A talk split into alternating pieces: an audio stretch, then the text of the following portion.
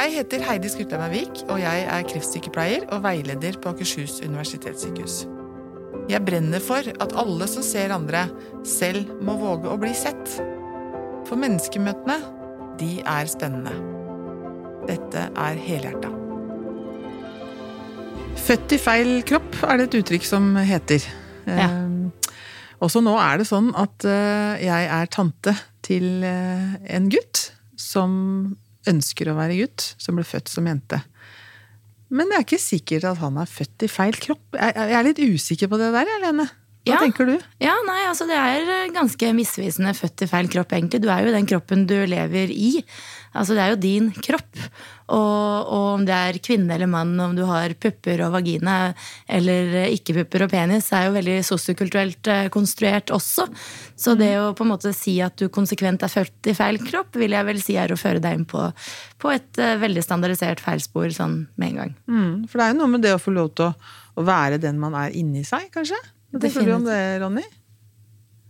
Mm, ja, eh, og jeg tenker at eh, kjønn jo defineres jo ikke ved det kjønnsorganet man har. Eh, mange som er født jenter i dag, opplever å være gutter og, og ønsker kanskje maskulinisering av kroppen med hormoner og, og øvrig kirurgi, som det heter, eller fjerne eh, bryster ja, og få maskulinisert brystkasse. Og så vil de gjerne beholde det kjønnsorganet de har.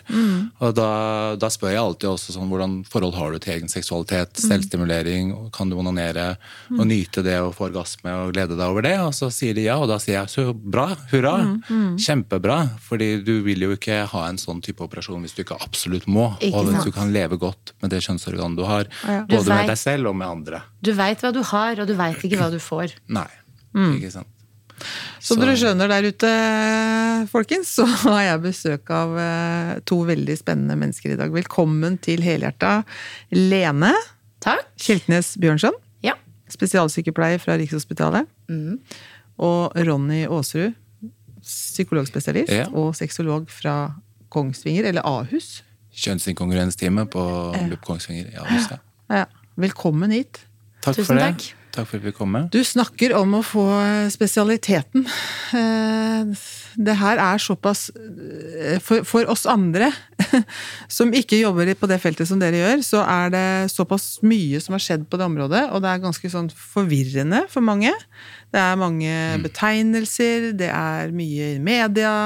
Vi opplever i familiene våre og, og nærområdet vårt veldig mange at, at vi har ungdommer som, som sliter med kjønnsinkongruens. Syns det er tungt å være i det, eller to, tung situasjon å være i.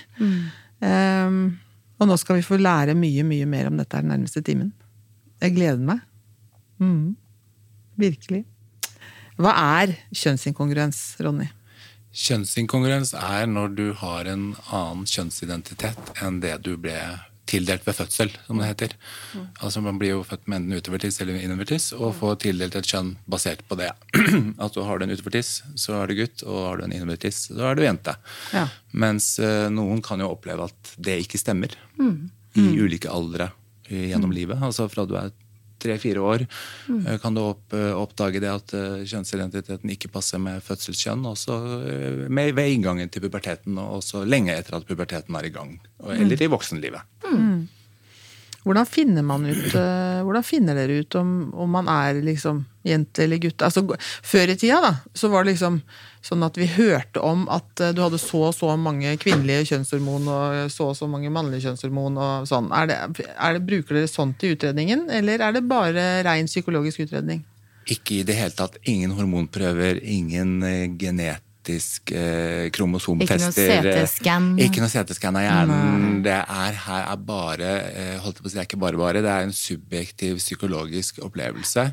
Som, Vedvarenhet. Ja, som kun den som har den kjønnsidentiteten, kan vite hva er. Eh, og den er gyldig, på en måte. Eh, men vi kan utforske det sammen. Hvordan kom du til å tenke på dette her? At du er et annet kjønn enn det du er født med? Eh, hvordan, hvordan, eh, hva har du søkt opp av informasjon? Hvordan forstår du det selv? Eh, Har du blitt tillært av foreldre? Av samfunn? Hva er det sosiokulturelle? Aspektet ved det. Mm. Og med sosiokulturell, så tenk, da tenker du det vi sier påvirkning? Ja, eller, og andre? roller også, da. ikke sant? Hva, Hvilke roller som er tildelt uh, kjønn i et samfunn. Uh, som også både media og butikker, holdt jeg på å si, næringsbransjen bruker sterkt. Mm. Det er mye påvirkning utenifra også. Hva kom innifra, og hva er utenifra? Det er jo viktig. Det er veldig viktig spørsmål som jeg har begynt å ta litt opp med de ungdommene som jeg utforsker dette med kjønn med. Ja. Altså fordi at det er jo i dag eh, blitt normalt å utforske kjønnsidentiteten også i ungdomstiden. Ja. Altså Det er såpass utbredt eh, at man kan ikke si at det er veldig sjeldent lenger. Eh, og det kan være hele klasser på videregående, eh, spesielt kanskje kunst og arkitektur, eller på en måte litt sånn typiske fag som skeive før tiltrekkes. da. Ja. At det kan være flere eh, i, i samme miljø som opplever eh, at de har en annen kjønnsidentitet enn det Noe som statistisk sett ikke egentlig er mulig. Statistisk sett så er det kanskje litt rart, men det er vel kanskje ikke så rart at de tiltrekkes av de her mer estetiske fagene. Eh, når man er litt mer kreativ, også kanskje i forhold til kjønn. Og jeg ser jo det at eh, ungdom med kjønnsidentitet som tema er også kreative på andre måter og andre områder av livet. da. Eh, men det vi snakket om der, var nettopp det med hvordan Hvor har du fått informasjon om dette med kjønnsidentiteter, og hvordan er det du kom til å forstå det f.eks. som ikke-binær? da? Eh, hva betyr ikke-binær, eh, og hva, betyr, hva er forskjellen på ikke-binær og trans? Bare si litt om det. Det er ikke alltid like lett å svare på. Men eh, korte svaret er ikke-binær. Da føler du deg verken som gutt eller jente, eller noe midt imellom. Kanskje også begge deler. Og du har ulike begreper som ungdommene bruker på det. Det kan være De kan selv si gender questioning. Altså han er litt mer spørrende og usikker. Så sier jeg ja, jeg er usikker, jeg vet ikke helt hvor jeg er hen. Eh, eller de kan si eh, Eller jeg kan foreslå, og noen ganger foreslår de selv, eh, genderqueer, kjønnsskeiv. Og det kan bety ganske mye forskjellig. Altså Det er jo alt dette hvordan du uttrykker kjønnet ditt. Og du kan mikse liksom både litt maskuline trekk eller uh, assessoarer, eller hva skal jeg si, hvordan eh, kjønnsuttrykket ditt da, eh, signaliserer hvilket kjønn du er, og feminine, mm. typiske fem, feminine uttrykk. Eh, så ikke-binær eh, kan også være ungdom som sier at ja, men jeg føler meg ikke som noe kjønn, jeg er bare Per. Ja. Eller eh, et annet navn, det er kanskje ikke så vanlig å hete Per i dag, men eh, eller eh, Men er det da de kaller seg de og den, eller de og dem? Ja, og da spør jeg ofte er det sånn pronomene her. Hva, Ja. hva, hva er du komfortabel med Ja. å bruke? Og Ja. da er det ofte eh, mer kanskje at ungdommene sier they, them, de, dem. Som har vært veldig vanskelig for også meg eh, innimellom å bruke riktig, for det er så fremmed. Men hen er jo også blitt et ord som har gått inn i norske ordbøker, og på en måte er et mer kjønnsnøytralt, Ja, ikke-binært si. pronomen. da. Ja. Før vi går mer sånn inn i, inn i hele fagområdet og inn i livene vi skal høre om, så er det Du jobber mye med utredning, du jobber med samtaler med ungdommene, og du holder på med samtalegrupper. Mm. Eh, Da tenker jeg det blir sånn likemanns eh, Det å være i samme situasjon, det må jo være veldig fint for ungdommene? Kjempeviktig. Ja. Uh, og det vi har uh, snakket med ungdommene i etterkant og underveis, er også det, det viktigste for meg er ja, å møte noen som er i samme situasjon. Ja. Eh, rett og slett eh, finne frem til et fellesskap mm. og føle tilhørighet. Og at jeg er ikke alene her på Kongsvinger, da, eller, eller hvor det måtte være. At eh, det er andre som også eh, lurer på dette med kjønn, eller, eh, eller som ikke er enten-eller, enten gutt eller jente. At man kan være litt eh, midt imellom. Og det, det er nok den viktigste eh, erfaringen dere, altså det, det de opplever er viktigst, det er å møte andre. Og få snakket med andre som de føler forstår. Eh, hvordan det er å være trans, da. Eller ikke ha ja. Eh, som kanskje vi cis-folk, eh, altså det vil si vi som har kjønnsidentitet som passer med fødselskjønn, ja. kanskje ikke kan forstå helt vi, hvordan, hvordan det er, da. Men, så det, og da er det sånn at når du har utreda de en stund, og de har vært i grupper hos deg og sånn, er det da du henviser til Rikshospitalet? Eller er det, går dette parallelt? Eh, det er Av de ungdommene jeg har nå, så er det faktisk ikke så mange som vil eller skal til Rikshospitalet. Nei. For Rikshospitalet utredes jo der da for hormonbehandling og, Mm. og, og kjønnsbekreftende kirurgi. Og det er ikke alle som ønsker seg dit eller skal dit. fordi det ene er jo at man ikke behandler ikke-binære, i hvert Mm. fall ikke ungdom. Fordi ungdom er jo i utvikling, Ja. og ting kan være i flyt, og det er fleksibelt. Og på en måte vi vil ikke gjøre noe mm. eksperimenterende, utprøvende. Mm. Og at man ikke vil gjøre noe eh, irreversible Ja. forandringer da. Så man kan se For noen så er det å vente litt til man blir litt eldre, og Ja. se litt hvor det lander òg. For det, man kan gå fra ikke-binær til binær. Til å bli mer gutt eller jente, og så noen ganger tilbake igjen òg. Sånn at vi må se litt hvor det, hvor det ender, litt, liksom. ender opp. Ja. Men du sier utreder. Ja, noen utreder jeg med tanke på psykiske lidelser man kan ha og streve med, sånn at de får hjelp med det de Ja. trenger hjelp med. Og, og utviklingsvansker eller nevrodiversitet, som det heter. Altså ADHD eller autismespektertilstander. Um, og, og hvis det er indikasjon for det, eller tenker at dette er en kjønnsinkongruens som skal ha behandling med hormoner og kirurgi, så henviser vi til eh, nå kjønnsidentitetsutredningsteam for barn og unge. Eller hvis de nærmer seg 18, så blir det jo avdeling for kjønnsidentitetsutredninger for voksne, sånn som der du jobber, da. Ja. Mm. For, det, for jeg tenker jo eh, Altså hvis man ønsker Hvis man kommer til dere før man begynner å få mye eh, altså Få pupper og alt sånn, ikke sant? så, så likevel så vil det jo ta tid med utredningen, og man vil jo kanskje få eh, få pupper, da. Og så vil man ikke ha det. Mm. Og så vil man gjerne ha er Det er da dere bruker blokkere, er det sånn? Pubertetsblokkere. Pubertetsblokkere. For at de ikke skal få det. Men det er det ikke alle som skal ha, sier du. Um, pubertetsbremsende medisiner, nei, det, hvem er det som skal ha det? Da skal du ha hatt en langvarig kjønnsinkongruens, eller kjønnsdysfori, som det heter. Altså ubehag knytta til kjønnsspesifikke deler, eller det, de, de delene av kroppen som vil komme og utvikle seg i puberteten. da. Ja. Bryster, eller ja. mørk stemme, eller og, og eh, og menstruasjon, ikke sant. Eh, at man ønsker at Det er så mye stress og angst og redsel knytta til å få de delene eh, som det en pubertet vil innebære. Og da skal du ha hatt en ganske sånn stabil kjønnsidentitet. over en eh, lengre periode. Men dette er også veldig vanskelig, ikke sant? for det å vite om vi da skal begynne på det eller ikke, det er eh, Du bremser jo en eh, pubertet som du ikke da får utforsket på et vis. Sånn at Ja. både i både, Altså, i Sverige var de veldig liberale en periode med å gi ut en del av dette, og så nå har de kommet, trukket det tilbake igjen. Ja. Og det trengs mer forskning på feltet, fordi erfaringsmessig så merker vi jo også at det, det, det bremser jo også den kognitive Altså hvordan du utvikler deg mentalt. da. Ja. Og da vil du også bli litt sånn utenfor dine klassekameraters utvikling. og Det, det påvirker jo andre ting. sånn at det er, det er både positive og negative sider ved det, uten at vi skal uttale oss så mye om det nå. Men Fordi det er- når, det, når de er henvist fra psykologspesialisten eller fra BUP-ene, eh, så kommer de til deg.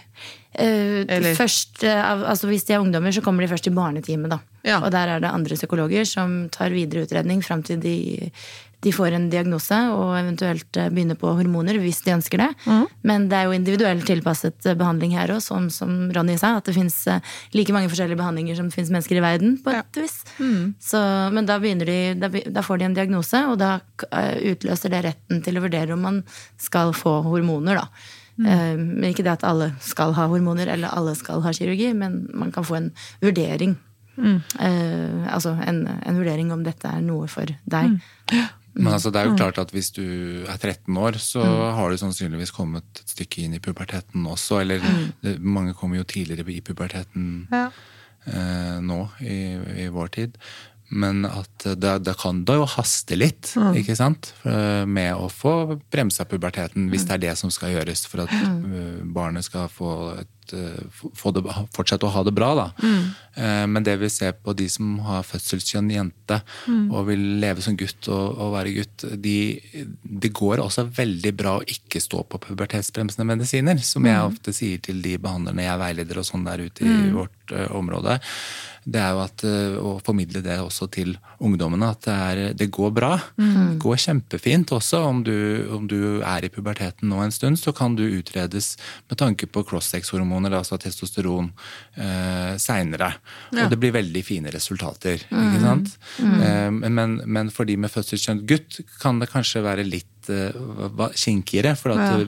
kroppen blir jo veldig maskulinisert med mørk stemme og skjegg og vekst og beinbygning. Sånn at der kan det være litt mer om å gjøre å få bremsa puberteten, men den guttepuberteten går jo veldig mye Den, senere. den kommer senere også, ikke Sånn sant? at da, Ja. da kan vi vente gjerne til eh, Ja. litt senere i puberteten. Ja, fordi det er jo noe med det å få utforska altså, identiteten i den puberteten du er i, da. Uh, Fordi hvis ikke så vil du jo ikke kunne utforske det.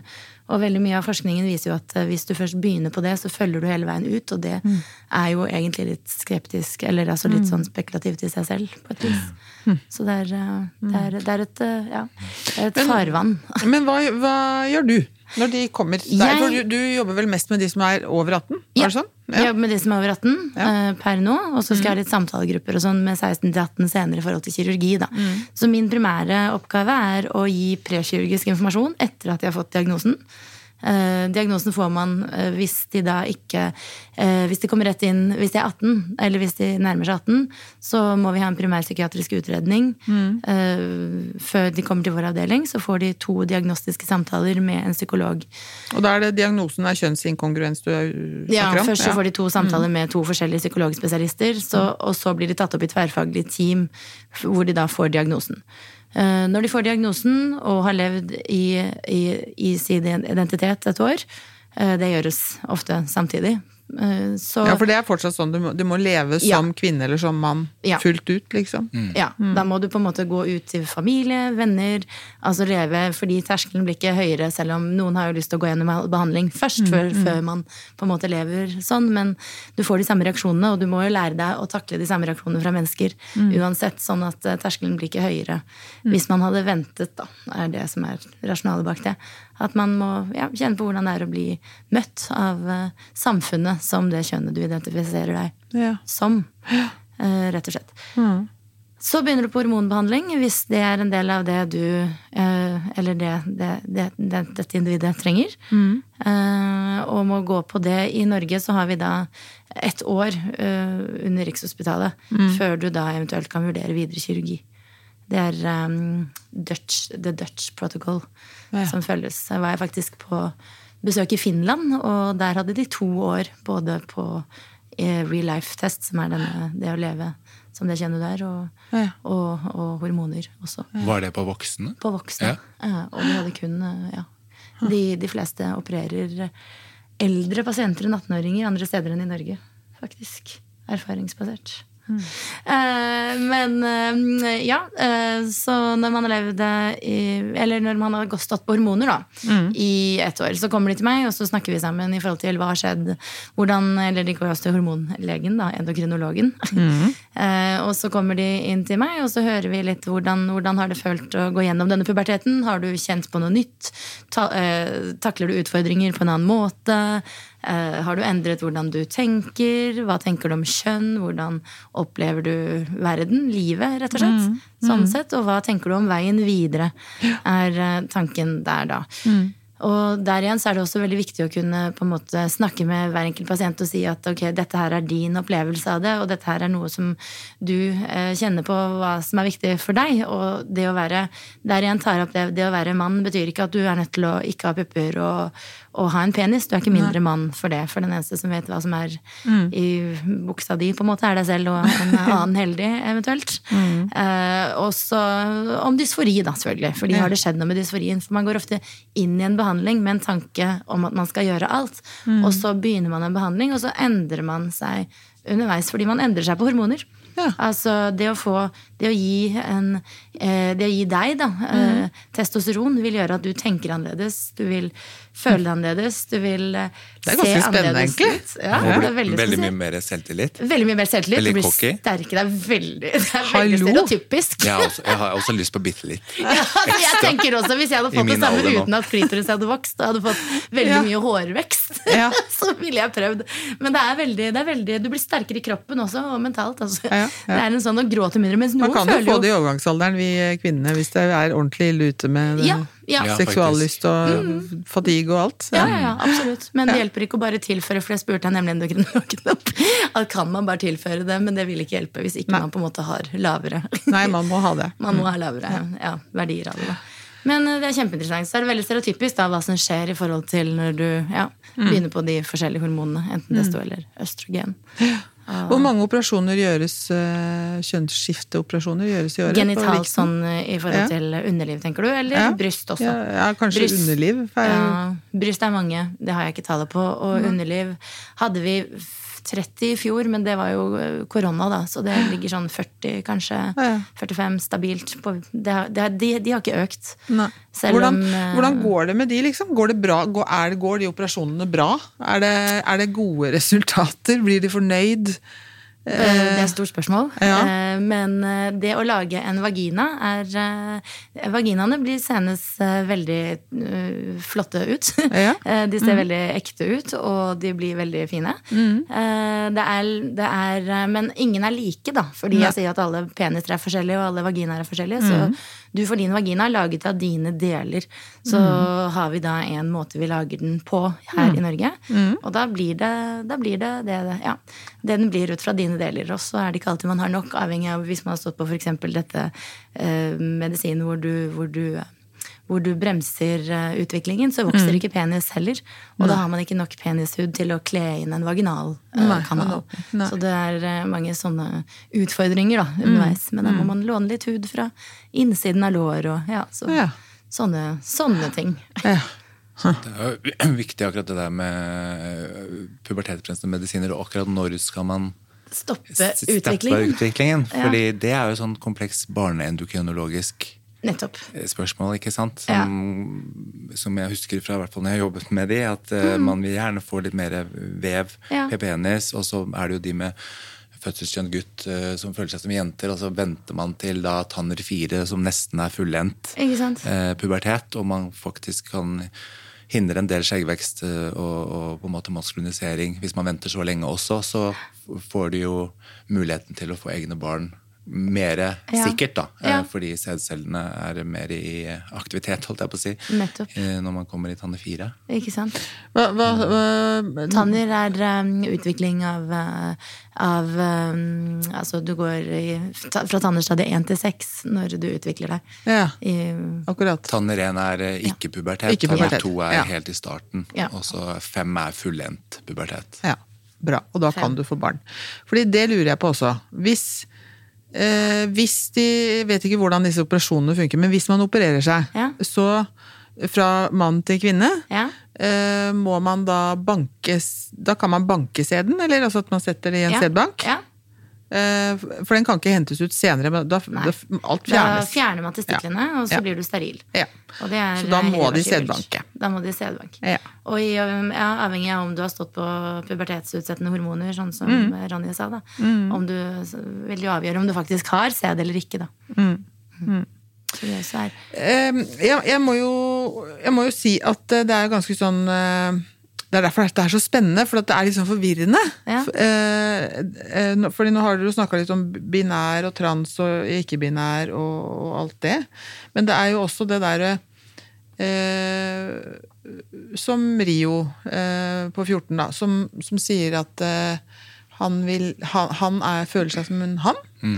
Eh, og, og er helt klar på det, liksom. Eh, og nå vet jo ikke jeg sånn hvordan eh, det er med Jeg skal ikke si noe om hvordan Rio har det, men noen er jo en han, eh, og, og forelsker seg i en annen han, som er født han, eller en han som er født hun. Mm. og så er det jo altså, og, og, og hva er hva i alt dette? Altså, det blir litt sånn Og hvem er hvem, og hva er hva? Det blir litt sånn kaos. Ja. Og dette kaoset har dere greid å finne ut av. Ja, det, Ja, og det er Eller- spennende. Vi lærer jo noe nytt hver eneste Ja. dag. Fordi at det er jo like mange individuelle historier som det er mennesker Mm. i verden. Mm. Sånn at det er jo en ære å få ha den jobben vi har, fordi da får vi jo faktisk ny kunnskap hele tiden. lære om stadig nye be begreper om mulige seksualiteter, eller at ungdommer i dag setter ord på ting som kanskje vi, da vi var unge og ikke hadde tilgang på internett og sånne ting, eh, ikke kunne sette ord på. Men tror du det er derfor det er flere som sier det, som, forteller om denne, om denne tilstanden eller det stedet å være i livet, liksom? At det er flere som tør å si det i dag fordi at man faktisk kan få, at vi har tillatt det nå å si det mer? Jeg tror Det det er er en del av, Ja. for, for, del av forklaringen, ja. Det er jo absolutt en større åpenhet av å være, og en større aksept da, om å få være den du er.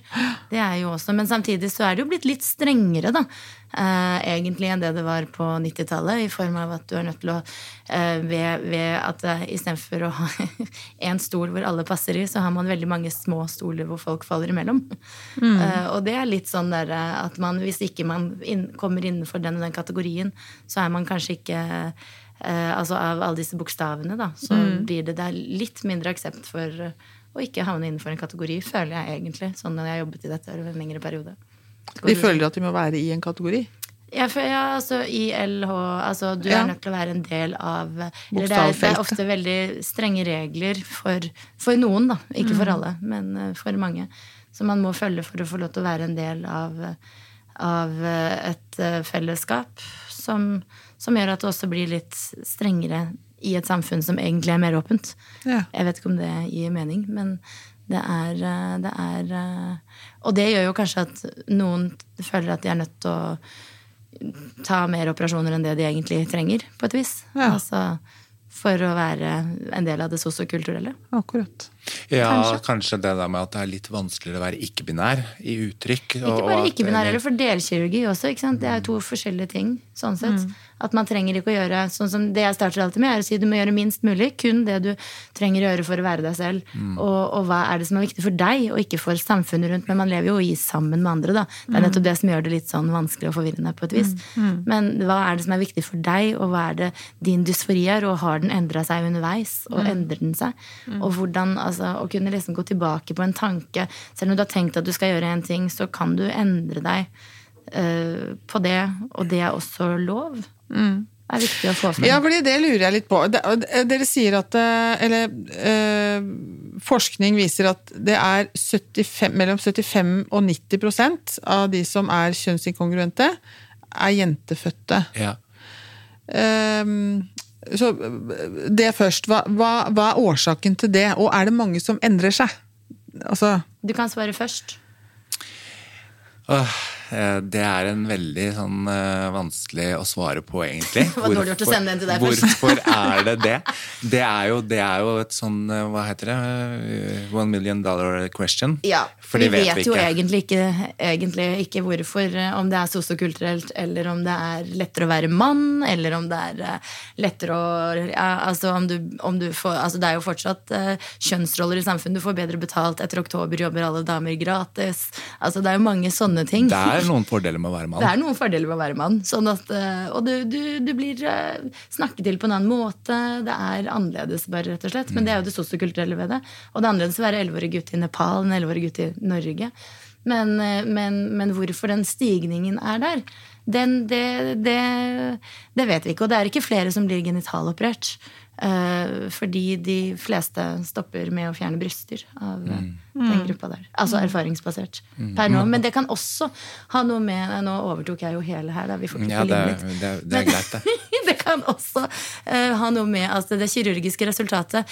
Altså det å lage en vagina, jeg kom aldri videre med det, men det å lage en vagina gjør at du får Du kan lage en vagina som ser ut som en vagina, men det å lage en penis er veldig mye mer vanskelig. Fordi uh, de to teknikkene vi bruker i Norge, da lager man enten en penis av klitoris, som har vokst når du har stått på testosteron, eh, og den, den kan få ereksjonsmuligheter, og du kan tisse fra tuppen hvis man lager urinrør. Urinrøret lager man av taket inni vaginalhulen, fordi det er slimhinne, og det tåler urin urin til en viss grad. Men urin er sterkt, og det blir alltid komplikasjoner. Det finner veien ut. sånn at eh, der igjen så må man vite altså dette, Disse operasjonene som skal gjøres, de skal gjøre livet ditt bedre etterpå, og ikke dårligere. Ja. Så det med en sånn av bare vite hva du kan gå til. Du vet hva du har, du vet ikke hva du får. Kanskje du må inn på sykehuset eh, en gang i måneden for å, for å på en måte stake opp dette urinrøret, sånn at urinen kommer ut. Og det å, det å gå på do, det er noe av det mest elementære vi gjør. Og hvis det blir på en måte stoppet, så, så, du, da, så du skal kun operere deg hvis du absolutt må, er det som er take home message av den. da. Den andre operasjonen er også, det er jo uten urinrør per dags dato. Ja. Urin er sterkt. Ja. Det er vanskelig. Men uten urinrør, så da, da tisser de fortsatt fra det vanlige Den vanlige åpningen. åpningen. Men jeg vil litt tilbake til Ja. vi egentlig, vi, vi snakker oss litt bort og ut på eh, Når du sa det der med mm, Det som blir litt forvirrende, er jo når du er født med jentekjønn, Mm. ikke sant? føler deg som gutt, og så tiltrykkes du da av gutter. Eh, enten da cis-gutt eh, eller en transgutt. Og sist gutt der Det er en som er, har en kjønnsidentitet som passer med det, den kroppen den ble født med. ja, så han, han er født, guttefødt. guttefødt. Ja. guttefødt. Ikke sant? Eh, Og en del av de jentefødte som føler seg som gutt, de er, identifiserer seg som homofile. Eller Ja. bifile. Ja. Eller at man er litt mer fleksibel. Eller panfil er også et begrep eh, Ja. noen av de ungdommene bruker, når de tiltrekkes av personligheten og mennesket heller enn kjønnene. Og at de ikke er så opptatt av om det er maskulinitet eller feminitet eller kroppen, men det er mer emosjonelle kanskje, eller eh, ja. Eh, Som gjør at de vil være kjæreste med den andre. Da. Eh, Så, sånn at Der er det jo skille på dette med kjønnsidentitet, som er én ting, og så er det dette med seksuell orientering, som er en annen ting. Og den kan variere, eh, helt uavhengig av eh, eh, den kroppen man er født med. holdt jeg på å si. Så Det er jo retningen på den man interesserer seg for, da, romantisk og seksuelt. Og det kan vel endre seg gjennom livet òg, eller? Det kan jo forandre, forandre seg, og det gjør det jo ofte. Eller kan gjøre med hormonbehandling, f.eks. Hvis du har kanskje vært født jente, identifisert deg som lesbisk, levd lesbisk en periode av livet, og så aldri tenkt på å ha sex med menn eller tiltrekkes av menn. Og så går du på hormoner. Eh, testosteron Testosteron. maskuliniseres, og så bare shit. Eh, dette er jo uh, ungdommer selv eller voksne som har fortalt meg at nå jeg begynner jo å interessere meg seksuelt for menn. Ja. Jeg er homo. Også i det her kjønnet jeg har bytta til. Jeg skjønner ingenting. Hvordan skal jeg være seksuell nå med den kroppen her? Eh, Så da, og det er jo noe vi forbereder ungdommene på. at Seksuelle orienteringen og seksualiteten din kan forandre seg med den her hormonbehandlingen. Og da må man jo venne seg til en helt ny kropp og være seksuell med en annen type kropp som man ikke er vant til å være seksuell med. Før man skjærer i den. Ja.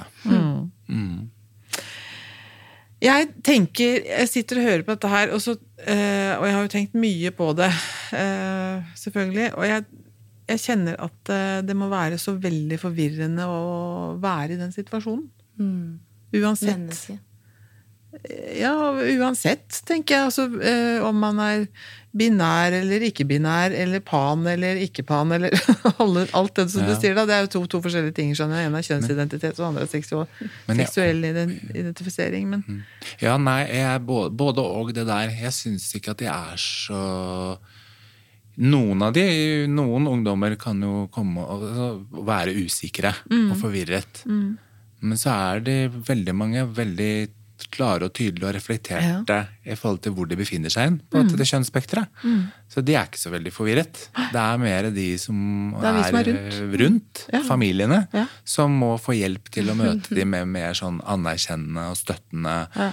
Eh, holdning. Ikke sant? Som gjør at de får det bedre. Når mor og far bruker da hen eller de, dem, eller, eller riktig navn og pronomen, så, så hjelper det veldig Ja. på Det hvordan skjer de at har man det. ikke trenger så mye kirurgi også, ikke sant? Ja. for å passe inn Ja. i de rollene som, Ja. Som de er ikke veldig- verden rundt det er helt riktig det du sier. Så det er ikke så veldig forvirret. Og det du sa, bare sånn, eh, så jeg ikke glemmer det, for du mm. åpnet også litt med at dette må være vondt og vanskelig, eller liksom kjønnsinkongruens innebærer mye dysfori, men det som også kommer fram, jeg har vært og ledet flere sånne samtalegrupper, og, og nå også sist, så er det, det er mye kjønnseufori.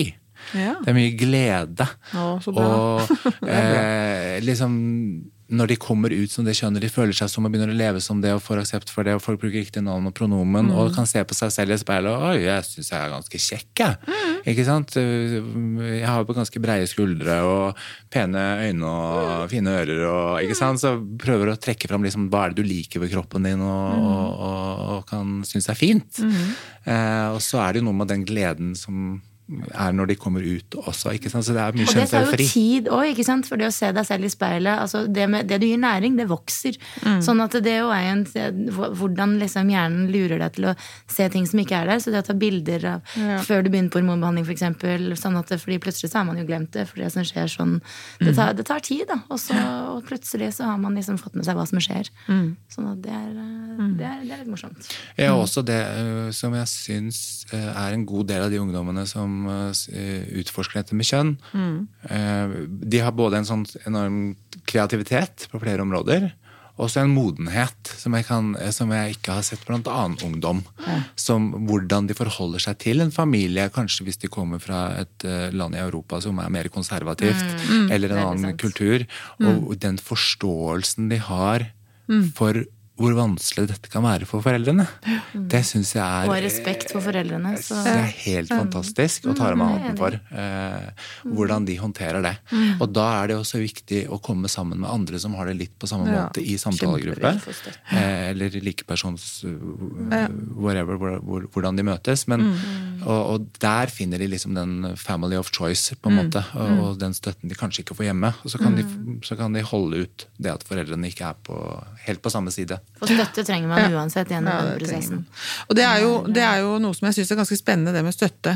Fordi at eh, eh, da Rio eh, var åpen om dette, at, eh, at Dina ønska å hete Rio, og, og hun ville være han, eh, så handla det jo eh, Min søster og mannen hennes, altså mammaen og pappaen til Rio, de fikk jo veiledning fra, fra BUP underveis om at det var viktig å være med på den reisen, og sånn, og så kunne de undervise oss liksom, mm. hvordan skal vi møte dette.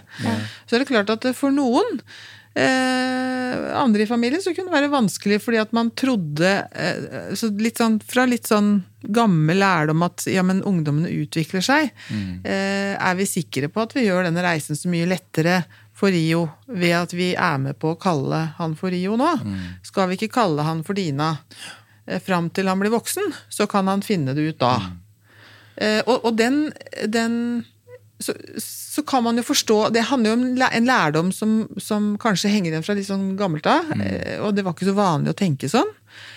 Eh, mens for oss som eh, var litt nærmere Rio sånn i det daglige, så var det veldig naturlig når, når eh, foreldrene hans sa det at det er viktig at vi er med på den reisen. For psykologen hadde lært de det. da. Ja, ja. Viktig at vi skal være der han er. Ja. Og det handler om å validere og gyldiggjøre de tanker og følelser som en barn og ungdom har. Og vi må, og må møte dem på det. For det, det er ikke noe som er selvvalgt, det her. Det er, det er hva det er. Uh, og det kan vi ikke ta bort, eller vi kan ikke befeste det, eller på en måte Mm. forsterke noe som ikke er der i utgangspunktet. Eller, altså det er heller Mm. motsatt at hvis du får veldig mye motstand, så låser det seg heller. Ja, det er da er det sånn, da låser du deg i en posisjon. Da skal jeg faen meg eh, på en måte eh, ha denne eh, Ikke sant, og leve sånn, og, og det blir superviktig. Istedenfor å eh, være litt med, anerkjenne, eh, gyldiggjøre, mm. møte på ønsket pronomen og navn. Og så kan man kanskje være litt mer åpen for at ja, ting kan forandre seg. Det er ikke det at man Det har vært litt sånn der å banne i kjerka og si at dette er bare en fase. Eh, Jeg kaller det heller at man kan være kjønnsfleksibel, Ja. og at det er mer fluid. Og det er jo i tråd med, med senere forståelser av kjønn, at det er litt mer flytende. Sånn at eh, da åpner man opp for en fleksibilitet. da, at ting, ja, Hvis du vil leve som gutt i fremtiden, fint. Hvis du vil leve som jente, fint. Finner du noe midt imellom, så er det også fint. Ja. Vi elsker deg uansett. Ja, det tenker jeg òg. Vi elsker deg uansett. Det viktigste for oss alle er jo at de vi er glad i, skal ha det bra. Uansett. Definitivt. Men det Men er noe med det er å forstå det, da. Ikke Ja. sant? Det og i forhold til kirurgi og, og medikamentell behandling, Ja, ja. så er det jo også i forhold til eh, en selv Altså, man er jo ikke kognitivt eh, ferdig utviklet før man er mellom 20 og 25, er det ikke? 25 pluss. Ja, 25 pluss. Sånn at det, er å på en måte ja. Mm. eh, både ta stilling til at du ikke vil ha barn, for eksempel, Eh, altså til å, Mm. til å ikke Og til å endre kjønnsorganet ditt i så tidlig alder, og i tillegg kanskje ha stått på pubertetsutsettende hormoner, Mm. gjør jo at man eh, det, der, der, der mener jo jeg fra Rikshospitalets side at tid er viktig, da. Mm. Og, at, eh, og det, men det er i forhold til behandling og ja. Mm. Altså, men utforsking utover det er jo kjempe kjempeviktig. Ja, for da, man setter jo stopper for seksuelle utviklingen. Mm. Østrogen, testosteronproduksjonen. Mm. Det der med å, å få en sånn sexual awakening som ofte skjer Mm. i puberteten. Selv om man kan være seksuell og eh, sånn før puberteten også, så er det jo da den formes. Mm. Eh, og når du setter en brems på de hormonene der, så det Mm-hmm. er klart at det vet vi jo ikke helt hvordan innvirker på seksuelle utviklingen. Og, og vi trenger jo også litt hormoner for å eh, hva heter det, konsolidere eller eh, befeste, forstå kjønnsidentiteten vår. Definitivt. Det er jo en av grunnene til at man venter til tann, altså tanner to-tre. Altså at man kommer litt inn i puberteten, så man får litt hormondusj på kropp og hjerne. eh, For å se hva som skjer med kjønnsidentiteten da. For at mellom 10 og 13 år, eller den starten av puberteten, så er det jo eh, da man kan se at kjønnsinkongruensen avtar eventuelt, da, av ulike grunner. For det er vel sånn at 95% har litt eh, leke med tanken eh, Jeg vet ikke hvor mange prosenter, men det er ganske egentlig, høyt i hvert fall. eh, Leke med tanke på at man kunne vært det andre kjønnet. Mm. Nei, du mener nå at de som de, de som på en måte identifiserer seg som et annet kjønn enn det de er født som Mm. før pubertet, av de så vil de fleste Ja, kjønnsinkongruensen avta. Mm, men akkurat prosenten er litt vanskelig. Men men Mm. at de fleste så vil det snu. Eh, og det har jeg vært borti at en som har levd som gutt fra han er tre-fire år og i seks år fram i tid, Mm. og er veldig sikker på det i alle sammenhenger og ser ut som en gutt, snakker som en gutt, eh, holdt på å si hva nå enn det er, men uh, er komfortabel med det, og så settes på pubertetsbremsende medisiner, og så bare Men hallo, Ronny, eh, jeg har jo aldri prøvd å leve som jente, jeg. Eh, Jeg vet ikke hvordan det er. Nå har jeg lyst til å gjøre det etter sommerferien. Eh, Så vi bare Oi, hold your horses. Det går ikke gå for fort fram her, men ordna alt. Det, eh, og bytta tilbake. Forelsket seg, fikk seg kjæreste. Mm. Og begynte å leve som jente igjen. Og ville ha blokkeren. Ikke sant? Sånn at det, det kan jo også skje. Selv Rett om det er liksom til rett pasient til rett tid. selv om, men selv om det er liksom langvarig, og man er ganske sikker på at det også er riktig å, å, å bremse eh, puberteten, så kan Vi har jo ingen eh, spåkule, så Nei. vi vet jo ikke. Nei. Men, eh, Men er det tilbake til litt til det at det var 75-90% som er jentefødte, da, mm. eh, som får diagnosen, så er det jo så er det, så er det litt uvisst for hvorfor det er mest jenter. Skal ikke spørre noe mer om det, for det er litt uvisst. Ja, det er uvisst. Det er eh, det er Det forstår vi ikke, rett og slett. Nei, vi og det er i hele, alle de nordiske landene. Både Finland, Sverige, Danmark. eh, Ja. Og det skjedde for ti, ja, ti år siden? Var det ikke da det Det begynte? begynte å bli en ganske stor forandring der rundt 2010. Ja. Ganske 11-12. spennende. Siste ti årene. Så man har liksom sett på det er det man har jo sett en økning og endring også på, på andre altså Nå er ikke dette en psykisk lidelse, da, det er jo Nei, nei. viktig å få sagt, men det er jo en tilstand relatert til seksuell helse og har ikke noe med psykiatri å gjøre. Selve tilstanden. Men man har jo også sett en økning av autismetilstander, ADHD, spiseforstyrrelser. eh, generelt at jenter strever mer psykisk enn gutta i puberteten. Eh, Samtidig må jeg bare tillegge at denne pasientgruppen blir også veldig godt skrinet i forhold til befolkningen generelt. da. Ja, Sånn sett. og da fanger man jo alltid opp fanger noe. alltid opp. Ikke sant? eh, Det er viktig, Lene. Det er viktig. Mm. Men, Viktig men er, det, er det mange som snur? Altså, Du sier at det er noen som snur. Er det mange som snur? Da spørs det litt hva den snuinga er, og når.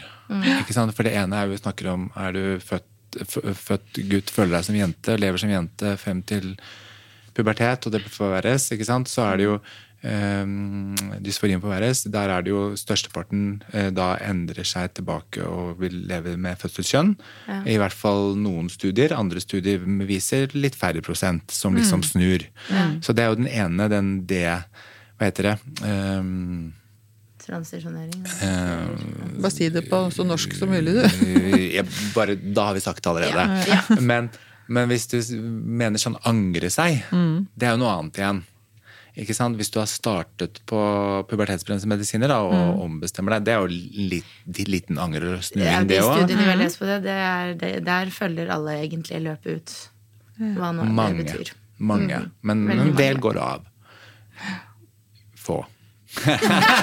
Se du ser på deg. Men det er færre. Det er tydeligvis færre da, enn det, fordi det var jo et, et program på TV for en stund tilbake som snakka om at det var 70% som snudde. Etter at de var liksom satt på og Nei, angra. altså veldig mye av det som og det hørtes jo helt skrekkelig ut. Da tenkte jeg Ja, ja, gud a meg, det er jo altfor seint, liksom. eh, Det som står i media og sånn, er jo ofte folk som har fått, puber, eller, eh, fått hormoner eh, fra andre steder fra. Ja. Og så har de startet opp uh, selv, Mm. egentlig. Uten i hvert fall å ha vært på Rikshospitalet. Kanskje på andre instanser. Men, uh, men eh, ja, i hvert fall ikke. Det er veldig det er veldig veldig få som angrer, fordi at utredningen er jo veldig grundig. Men Ja. det er jo noen, fordi vi har jo ikke noe spåkule, på en måte. Mm. Så det er jo noen som også har fjernet bryster, og som angrer. Og, ja. Men så det er, viktig. ikke, det er, men, og det er jo på dem, de som har gjennomgått behandlingen. Ja. Der er jo sånn studier og erfaringer at det er få som angrer seg. Ikke sant? Ja. De hadde gått gjennom en grundig utredning. Men det med å angre seg og liksom snu eller mm, vende på seg, holdt jeg på å si, det, mm.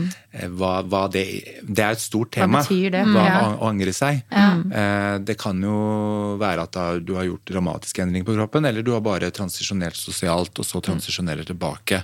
Eh, og, og det seneste jeg så nå, var en artikkel som hadde tatt for seg jeg tror det var 300, over 300 barn og unge som hadde transisjonert tidlig til å leve i opplevd eh, kjønn. Og så hadde de gått litt tilbake, noen til å leve som ikke-binær en stund, og så tilbake til å være binær. Altså hadde de gjort tre da snuinger. Eh, og uten at det hadde vært noe sånn veldig dramatisk. De hadde Ja. fått god støtte begge veier av Ja, ja. familien og de rundt, så det går så bra. Sånn at man har vært litt sånn redd for det der at man skal ikke hjelpe de til å transisjonere sosialt for tidlig. At det skal være, sosial, være sikker på at det er riktig. Ja. Fordi at du liksom maler er dem opp i et hjørne. Ja, det, er ikke invasivt. Ikke sånn at det Nei. er jo bare Ting som ikke er invasivt, er jo greit å prøve ut på et vis. Ja, for da får du testa Med det som da. mener å, opera, å, å operere. Ja, eller medisin. Gjøre inngrepet. Ja, eller ja, ja. altså, ja. Så det å sjekke ut og leve som opplevd kjønn, tenker jeg er eh, Der sier jeg bare, bare gjør det. Ja. Eh, Enig. teste ut. Flott. Um, og så finner de ut av det. Mm. Tror ikke vi gjør noe gærent med det. Nei. Hvordan begynte du med dette her? Var det, var det Du var jobba på BUP, og så, og så var det såpass mange i denne situasjonen? Nei, hvordan begynte jeg med det her? Det er mange år siden. eh, det Du har jo skrevet bok om det, til og med. Ja.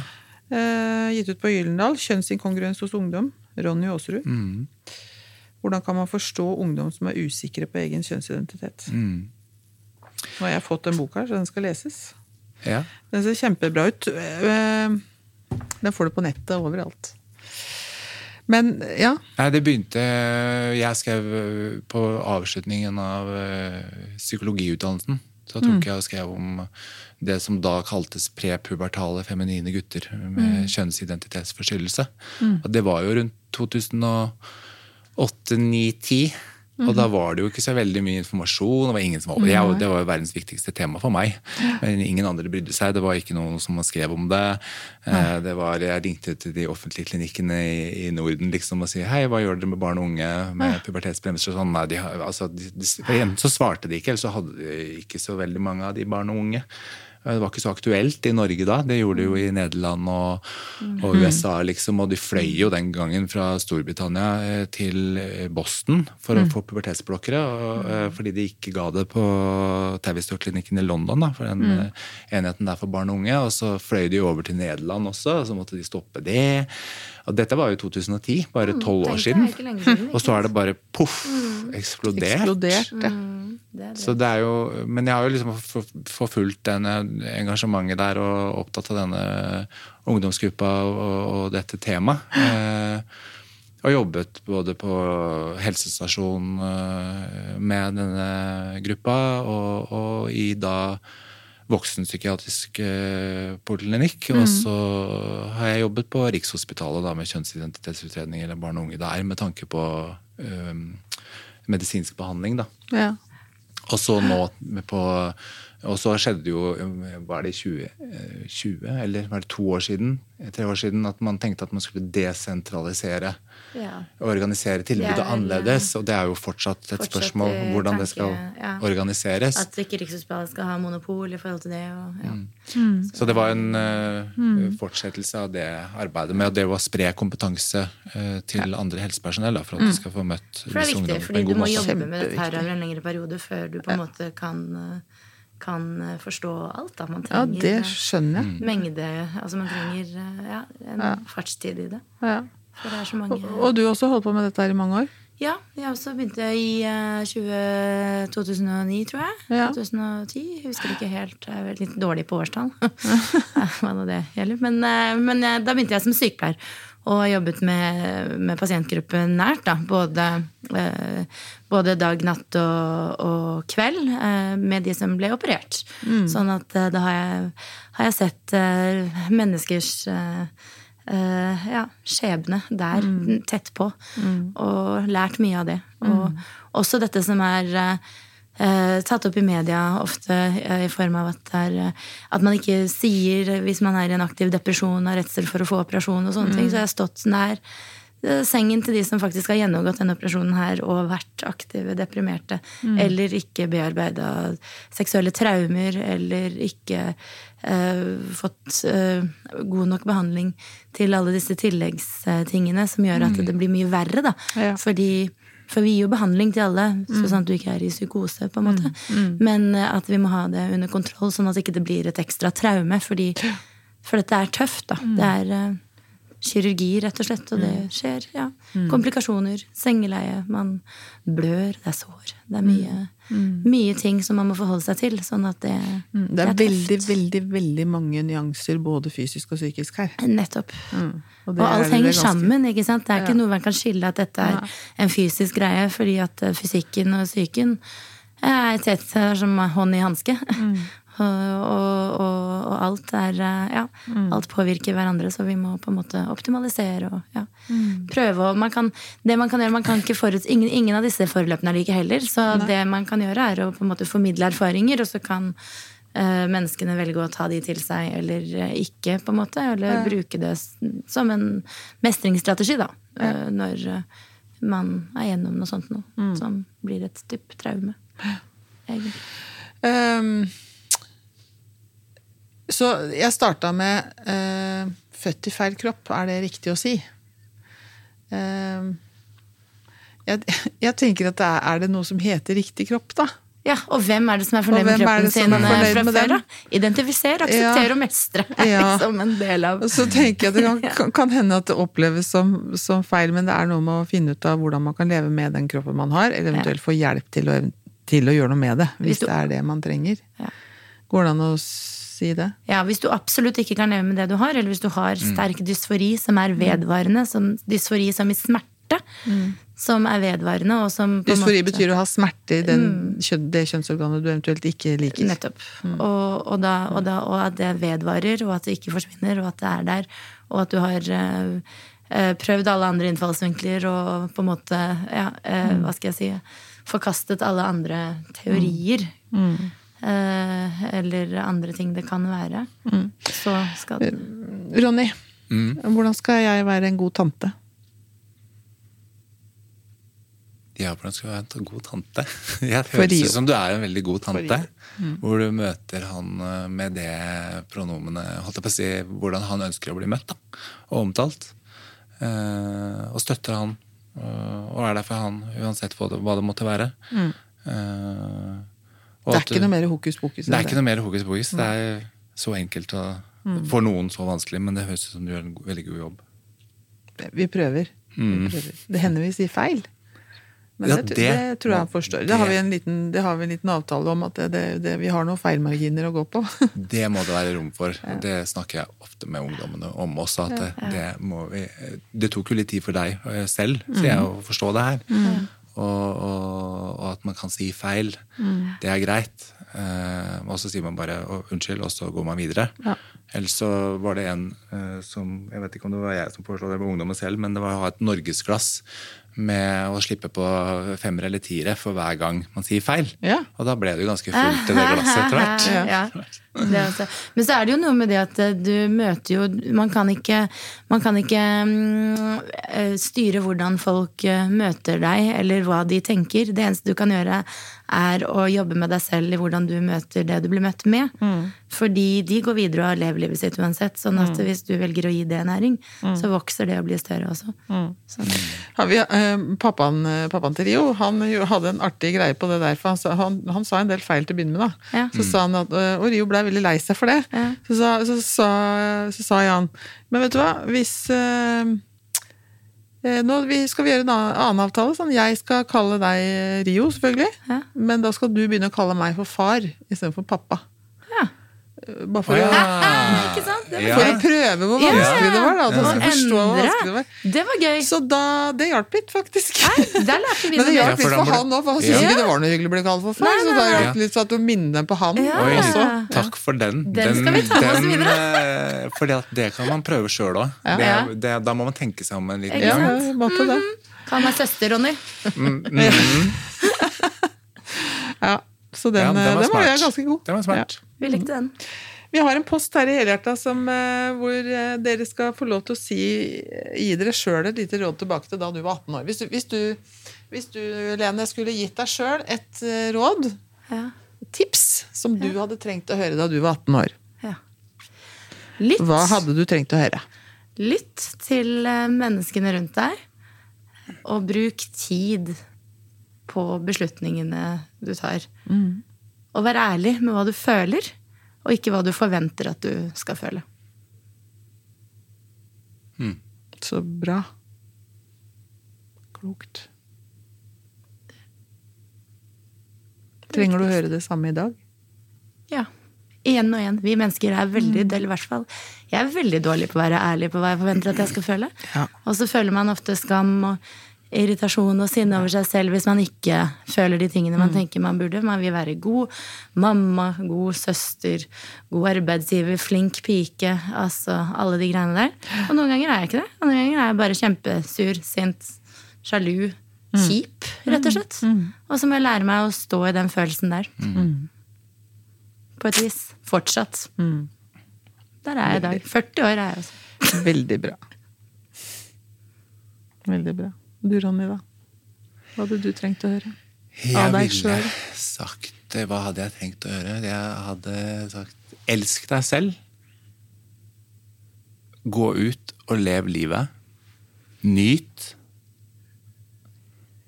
Gled deg over det du mestrer. Hvis du ikke føler at du mestrer, så finn noe du mestrer. En hobby, et eller annet, noe du blir god på. Og så gjør masse feil. Drit deg ut.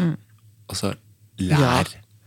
Tenk på eh, Samle på de gode opplevelsene og de dårlige opplevelsene, og så ta, ta med deg det videre.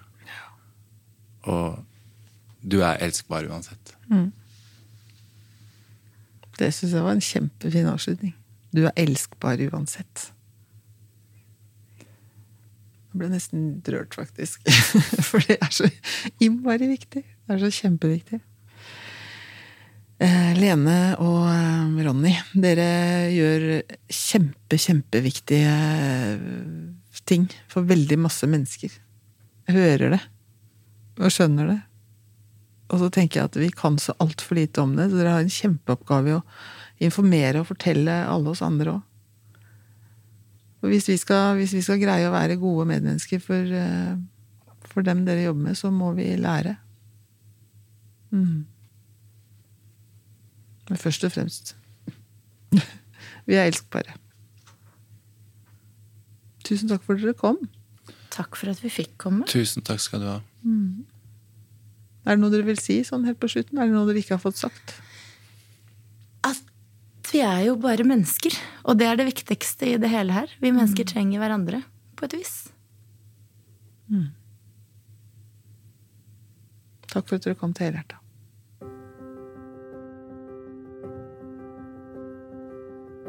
Helhjerta er en podkast fra Kompetansebroen, en digital plattform for kompetansedeling i helsetjenesten. Personer som blir omtalt i pasienthistorier, er enten anonymisert eller har gitt samtykke til deling.